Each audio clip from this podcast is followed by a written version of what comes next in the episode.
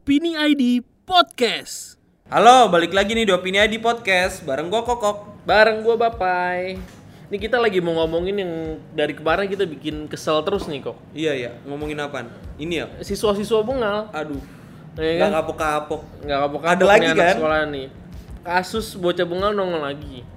Jadi ada 12 siswi SMA yang aniaya seorang siswa SMP. Iya. Tapi laporan dari polisi yang diduga jadi pelaku itu cuma tiga orang.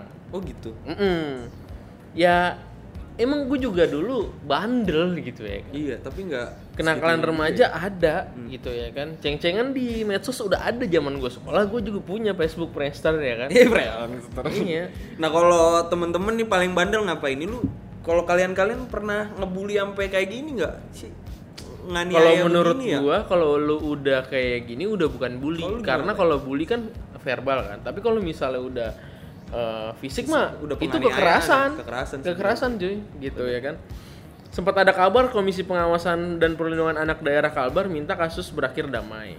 Kabar langsung dibantah sama KPPAD Kalbar. Mereka cuma dampingi proses hukum, gak intervensi Iya. proses Ini hukumnya. di kasusnya kan di Pontianak ya. Ya di Ini, Pontianak. eh, maksudnya Polsek Kalimantan Barat gitu kan. Siap. Kalimantan Barat Selatan. Nah, terus Yang kemarin kan kita ngomongin yang soal murid nyawer oh guru. iya iya.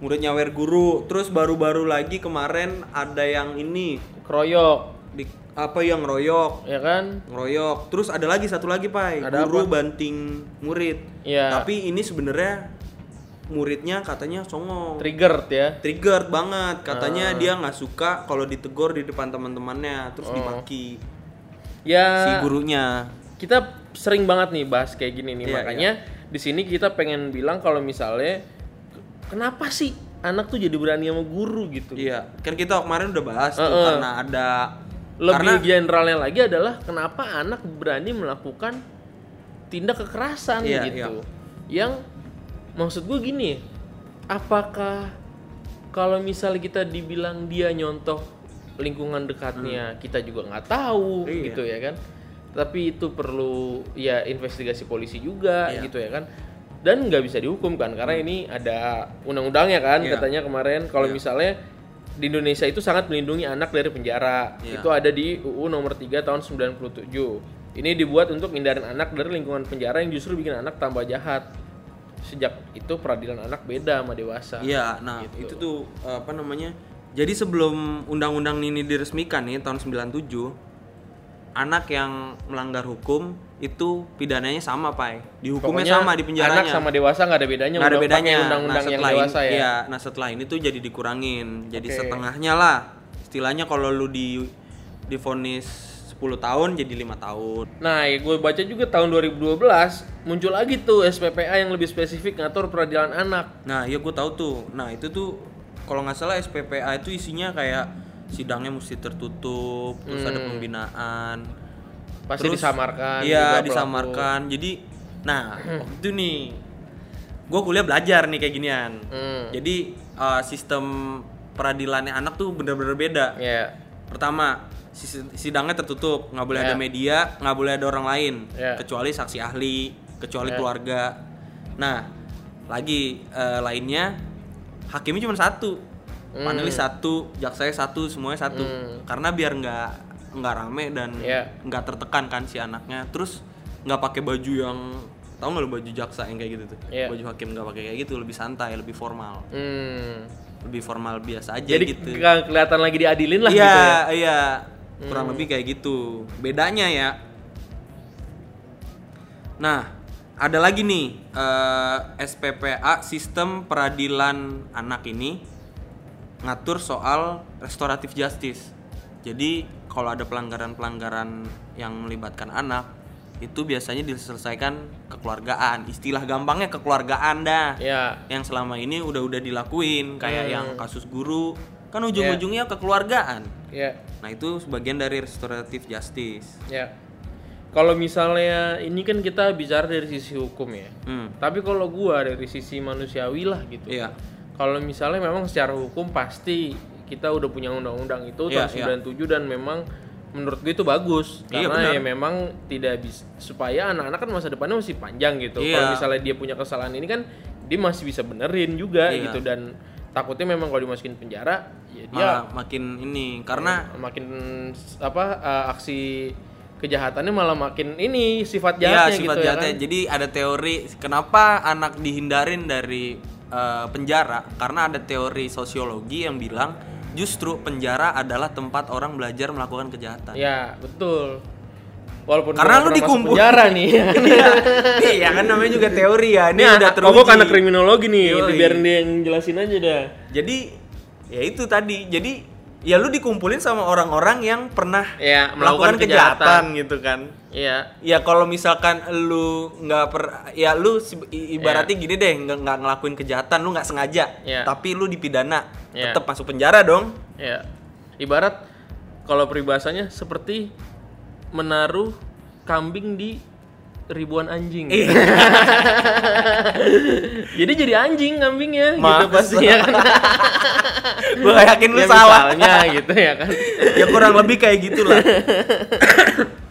nah makanya diciptakan si yang tadi lu bilang Iya. eh yang tadi gue bilang Kalau gue malah ngelihat kasus ini lebih ke solusi gitu. Kalau ya ya ibarat kan kita nggak bisa ngehukum anak supaya jerah gitu kasihan Hmm. juga anaknya. Makanya kita harus punya eh, Sistem yang- pencegahan Ya. yang makin diperketat gitu. Ya ya ya. Kalau misalnya eh, untuk ya kenakalan remaja ini ya karena udah tindakannya tuh udah pidana gitu pidana Gitu ya kan? bukan soal ngomongin orang Kekerasan, iya tapi gitu. udah nyampe ke tahap kekerasan nih kekerasan gitu termasuk ya yang kan? dilakuin sama murid-murid ke guru ya Iya gitu dan dan sekarang tuh kita nggak bisa kalau misalnya eh, dulu mungkin menurut gua juga banyak tapi tidak terekspos kalau sekarang Iya. kan karena Ada zamannya udah serba media, iya era informasi media. terbuka ya kita tahu jadi Benar, kejadian kayak gini gitu dan Makanya- seharusnya bisa lebih dijagain Iya, sih iya. menurut makanya gua gitu. restoratif justice ini juga dilematis. Tadi yang lu Hmm. bilang, kalau Hmm. dilihat dari sisi moral, kasihan kan korbannya. Masa Iya. eh, pelakunya tiba lu habis Iya. ngehajar orang sampai mau mati tiba-tiba kekeluargaan Iya. aja kan nggak bisa gitu. Makanya sem- apa eh, SPPA ini nih sistem peradilan anak ini sempet dikritik sama Reza Indragiri, psikolog anak. Hmm. Dia bilang harus direvisi Oh, SPPA gitu. ini. Jadi justru uh, menurut dia ada kenakalan tertentu yang bisa dipidana kayak orang dewasa Hmm. kayak gitu. Tapi kalau gue pribadi, ini uh, opini gue ya. Kalau misalkan uh, dipidana kayak orang dewasa, gue tetap nggak setuju, pak. ya Karena nanti uh, pidananya bisa 15 tahun loh kalau lu Ya. ngebunuh ya kan, Mm. maksimal tuh. Justru yang lebih uh, solutif ya, eh, ini ini balik lagi nih opini gua. Kita tuh nggak punya uh, apa namanya kategori kenakalan anak yang kayak gimana. Ya. Misalkan pembulian, pembuliannya tuh verbal. Itu bisa eh, harus dikategorin ada pembulian verbal, ada pembulian fisik atau penganiayaan yang bahkan hampir ya eh, ny- ngilangin nyawa orang. Nah, itu harus dikategoriin. Nah, berarti dari PR-nya kategori ini- kategorisasi hukuman ya Iya, nah dari kategori itu baru bisa di, di bisa di ini bisa di restoratif justice nih. Hmm. Yang ini bisa dipidana nih. Tapi pun dipidananya juga nggak bisa penuh. Lu harus jadi kalau di Amerika ya ada namanya correction cor- co- correction buat anak gitulah. Jadi kayak lu meng- di rumah itu lu nggak di kayak nggak kayak di penjara. Lu Hmm. kayak dididik moral lu secara baik lagi.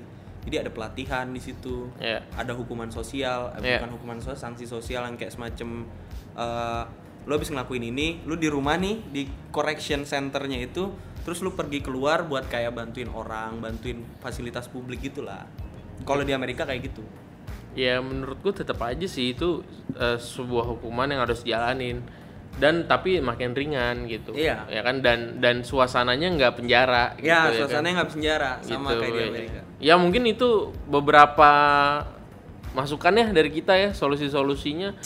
Sotoy kita. juga sih. Sotoy juga iya, kita. ya kan. Cuma ya kita sebagai anak yang bandel juga dulu ya kan, Iya, tapi tidak pernah melakukan juga. kekerasan gitu ya kan. Ya kita ngelihat ini sebagai apaan sih lu gitu Iya, ya kan iya, ngapain sih lu kayak gitu gitu ya kan. apalagi masalah sepele Iya, apalagi masalahnya sepele gitu ya kan. Ya gitu aja soal siswa bengal ini ya kan. Menurut kalian gimana? Gimana sih? Apakah kalian punya solusi nih atau misalnya ternyata ada Ya. di negara lain yang udah punya sistem yang bagus menurut Ya, kalian gitu? Coba kalian komentar nih di bawah ya kan. Oke, segitu aja opini di podcast kali ini bareng gua Bapai. Gue kokok. Dah.